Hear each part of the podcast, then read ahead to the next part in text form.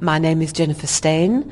I play the character Sign, and a sign, in a way, holds the old, the established, a particular class, a particular way. And it is that that she's wishing to hold onto. Hi, I'm Faniswa Yisa and I play Paper. I think she's quite realistic.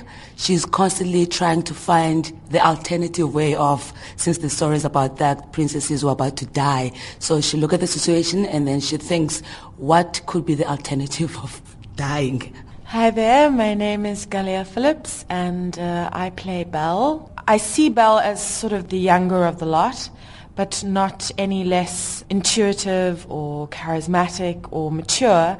I just think that she's probably, she sort of manifests a lot of the emotion through physiological happenings. So you see it more, and that's just sort of her way of dealing with death, I suppose, or the imminent, you know, what shall we do question. Hi, I'm Chiedza Chimende. I play Calf, and I believe that Calf speaks about how in dying we should leave a form, a physical form, but I think she prepares herself and tries to, I think, with the others for a spiritual release.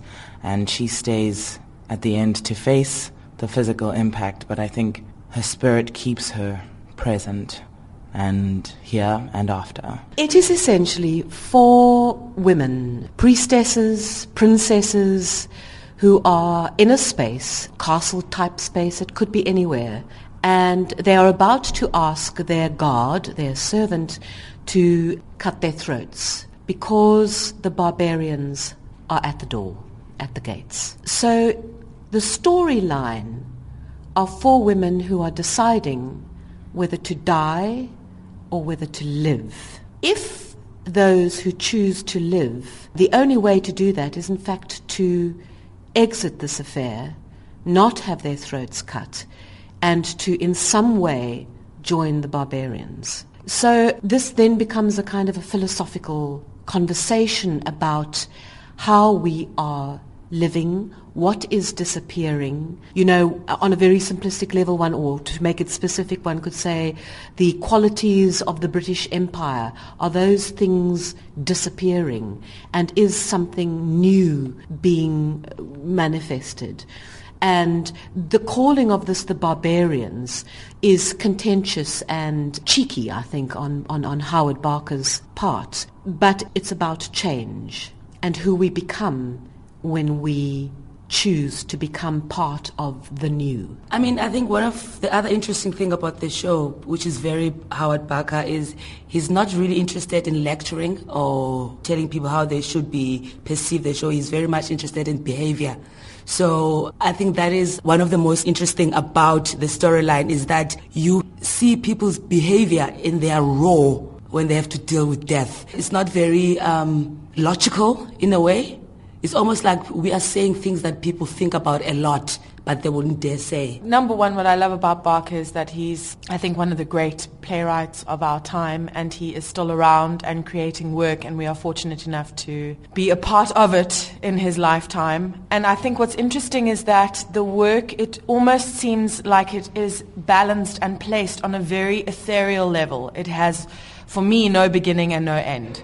It is what you make of it. It is very much like a dreamscape, almost like an ambient soundtrack that could possibly carry on forever, but you get that hour, you get the little slice of life. And I think that's what makes it so intense and so beautiful and so very, very tragic. I'm going to speak about one of the most interesting things I feel about performing the piece, is that in the same way that Barker is wanting to challenge his audiences, challenge us all, by sharing his stories. I feel that he challenges his actors as well. I think we become used to performing stories and, and, and being on stage and coming off it to discuss the performance, to discuss how we felt about the text or whatever.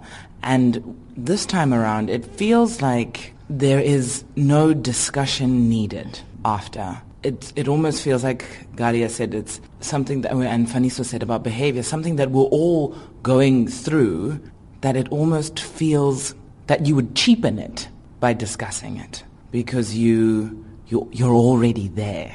if that makes sense. Mm. you know, something that is repeated in the play a lot is, is we are disappearing. And, you know, as we sit and speak and have this interview, there's the process of, uh, it's very bleak, but it's, it is like that, unfortunately.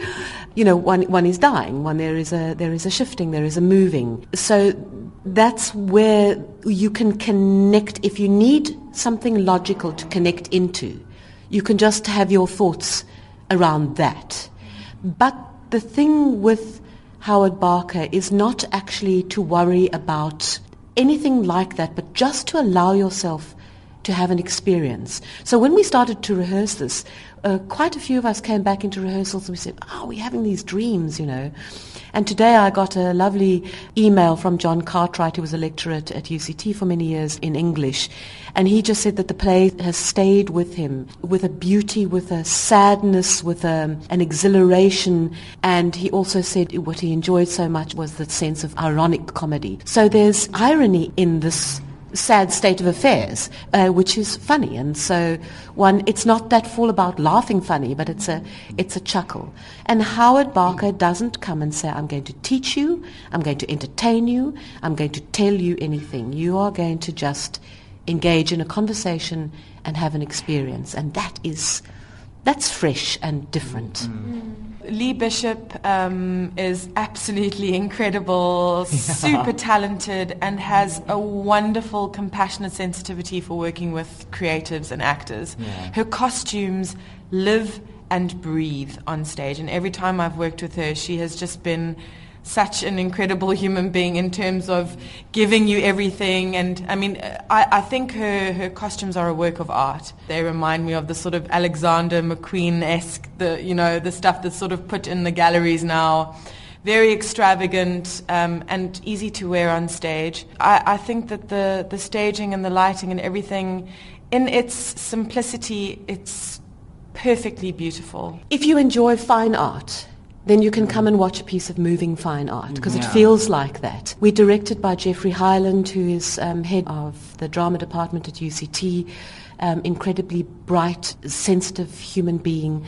The lighting is by Luke Ellenbogen. The sound is evocative. There's not a lot of it, but there's a drum beat, which is the coming of the barbarians all the way through. It's an hour you come at seven o'clock and you're done by eight. You can go out to dinner and do whatever, and you will definitely have experienced something unusual. It's, here at Artscape. It's such a beautiful, beautiful theatre. This it's a, a box theatre, which is the best kind of theatre. And yes, it's stormy outside, but inside it's cozy.